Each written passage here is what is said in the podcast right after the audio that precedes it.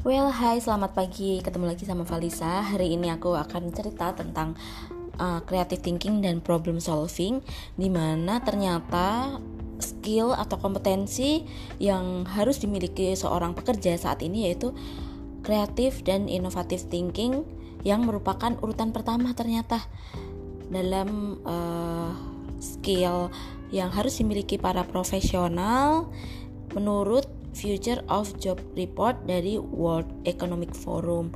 Nah, problem solving itu yang menempatin pertama kali guys, pertama tingkat urutan pertama. Nah, sekarang kita mau kenalan dulu nih. Masalah itu apa sih sebenarnya? Nah, masalah itu adalah kalau kita menemukan kejadian aktualnya yang tidak standar.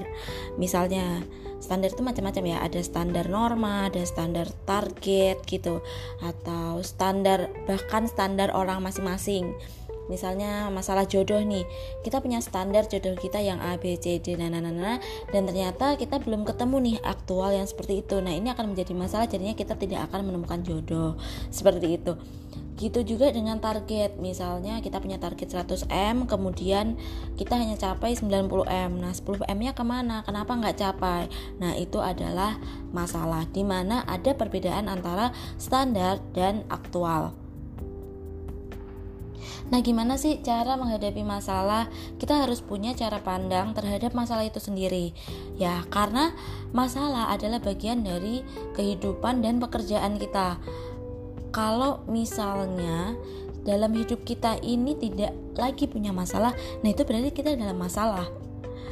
Karena kita harus menghadapi masalah supaya apa? Supaya kita bisa growth dan kadang kita e, cara pandang kita terhadap masalah itu harus benar gitu.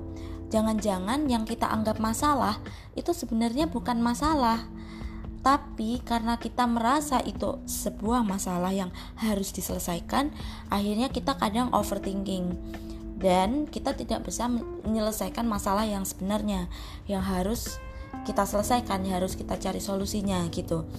Dan kita harus punya mindset bahwa setiap masalah itu pasti ada solusinya.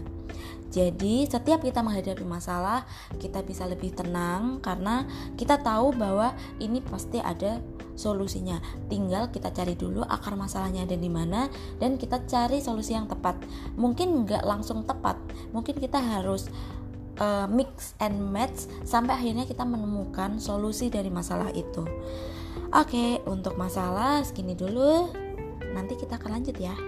Bye.